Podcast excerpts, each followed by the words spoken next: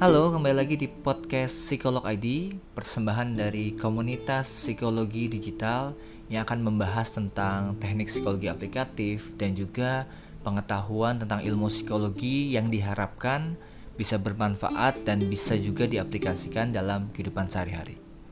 Oke, pada episode kali ini saya akan membahas salah satu pertanyaan yang cukup sering ditanyakan pada sesi tanya jawab dalam Instagram @psikologid. Jadi setiap minggunya ada sekitar 2 sampai 3 sesi di mana Anda bebas bertanya apa saja tentang pengembangan diri. Dan beberapa pertanyaannya akan dirangkum nanti juga untuk pembahasan podcast. Dan saya tertarik untuk membahas pertanyaan bahwa apakah benar wanita atau perempuan itu lebih mudah mendeteksi kebohongan daripada pria?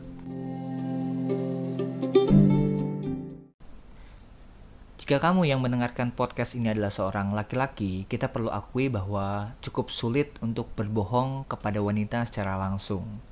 Nah, hal ini dikarenakan wanita itu sering menanyakan pertanyaan yang tidak diduga-duga Nah, jadi di podcast sebelumnya juga saya sudah bahas bahwa salah satu teknik untuk bertanya dalam mengungkap kebohongan adalah menanyakan pertanyaan yang jawabannya sudah kita ketahui.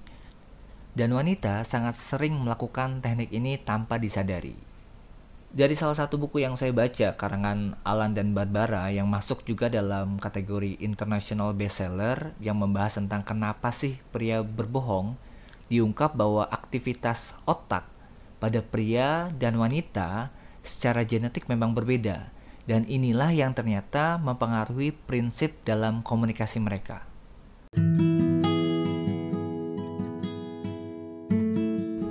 Hasil scan otak menggunakan MRI mengungkap bahwa rata-rata wanita memiliki 14 sampai 16 zona aktif di kedua belahan otaknya ketika sedang berkomunikasi dengan orang lain secara langsung.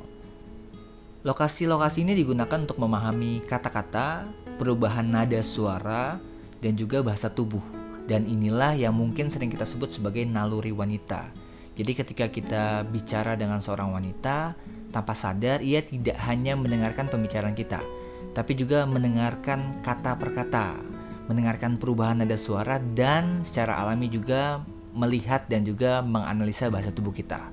Jadi berbeda dengan laki-laki yang jika di scan juga lewat MRI itu hanya memiliki 4 sampai 7 lokasi yang aktif ketika berkomunikasi secara langsung.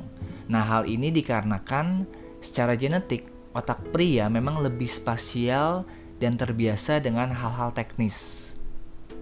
Tapi perlu diingat bahwa hal ini juga terkait dengan perbedaan minat dari setiap individu. Bisa aja seorang pria belajar berkomunikasi lebih lanjut dan mengaktifkan beberapa zona tambahan. Tapi yang akan saya bahas adalah secara alaminya, secara genetiknya seperti apa.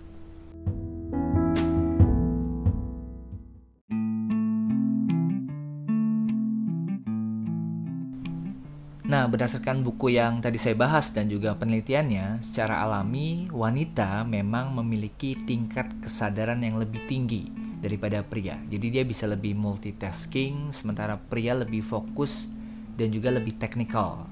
Nah, kemampuan kesadaran tinggi ini secara genetik bertujuan untuk membatasi diri dari orang asing yang mungkin bertemu ya di jalan. Jadi untuk memunculkan sifat defensif ya, membedakan antara orang yang mencurigakan atau tidak. Kemampuan yang sama juga bermanfaat untuk wanita dalam berkomunikasi dengan anak-anaknya ketika menjadi seorang ibu. Jadi seorang wanita itu secara genetik memang dibekali dengan kemampuan untuk melihat kondisi anaknya dengan cepat seperti membaca perbedaan antara apa yang dialaminya. Misalnya dia mengalami rasa takut apakah sakit lapar sedih atau bahagia. Jadi ada feelingnya untuk membedakan. Nah itu memang sudah ada dalam otak wanita itu. Jadi jika kita simpulkan lewat apa yang saya singgung juga sebelumnya, otak wanita itu memang secara alami bisa melakukan aktivitas multitasking lebih baik daripada pria. Dan inilah yang memungkinkan mereka untuk melakukan banyak hal ya secara langsung ketika komunikasi dengan laki-laki. Seperti yang sudah saya bahas tadi ya. Misalnya mendengarkan kalimat sambil memahami kata per kata membedakan nada bicara tadi, suaranya, penekanannya di mana sih, kemudian melihat tanda kebocoran bahasa tubuh dan juga mungkin facial expression secara alami bahkan tanpa belajar sekalipun. Berbeda dari wanita, pria dalam komunikasi biasanya fokus pada satu jalur. Jadi ketika mendengarkan, ya mendengarkan, cenderung mengabaikan bahasa tubuh yang keluar.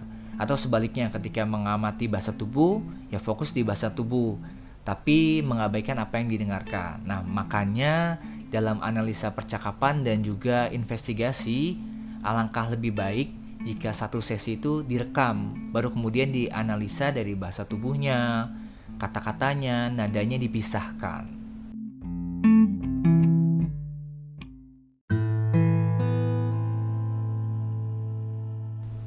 Lalu pertanyaan yang juga sering diajukan adalah kenapa wanita bisa mengingat banyak kejadian yang dilupakan sama pria ya.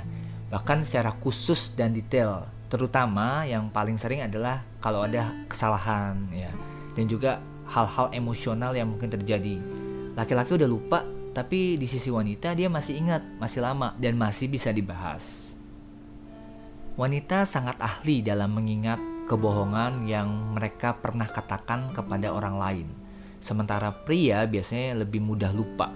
Saya pernah bohong tentang apa ya?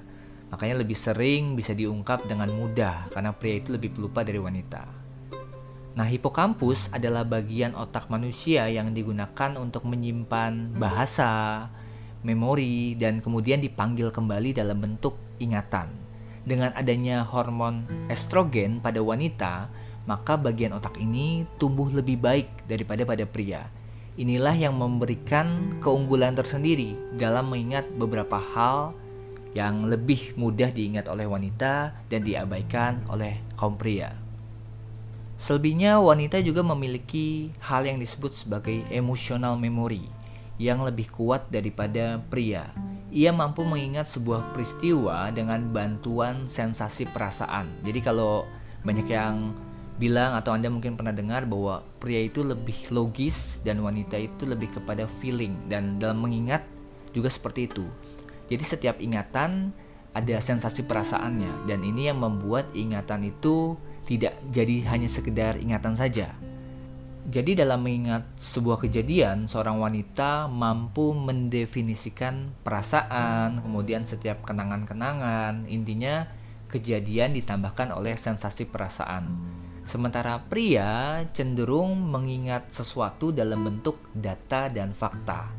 Oleh karena itu, dia mengingat kejadiannya, bukan perasaannya yang diingat. Nah, perbedaan ini sebenarnya bukan jadi halangan seorang wanita atau pria dalam berkomunikasi. Ini adalah pelengkap. Jadi setiap dari kita memang memiliki kelebihan dan kelemahan itu pasti ya. Setiap dari kita juga tahu unik dan berbeda dan memiliki peran tersendiri. Tidak ada yang lebih baik, tidak ada yang lebih buruk, hanya saling melengkapi saja.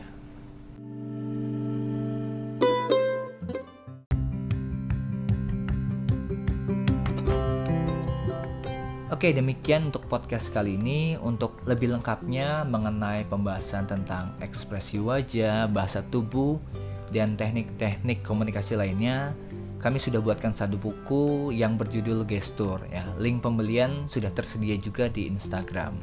Dan untuk teman-teman yang punya pertanyaan atau tema khusus, Anda juga bisa tanyakan dalam sesi pertanyaan di Instagram agar bisa kami buatkan podcast yang membahas tentang pertanyaan Anda tersebut.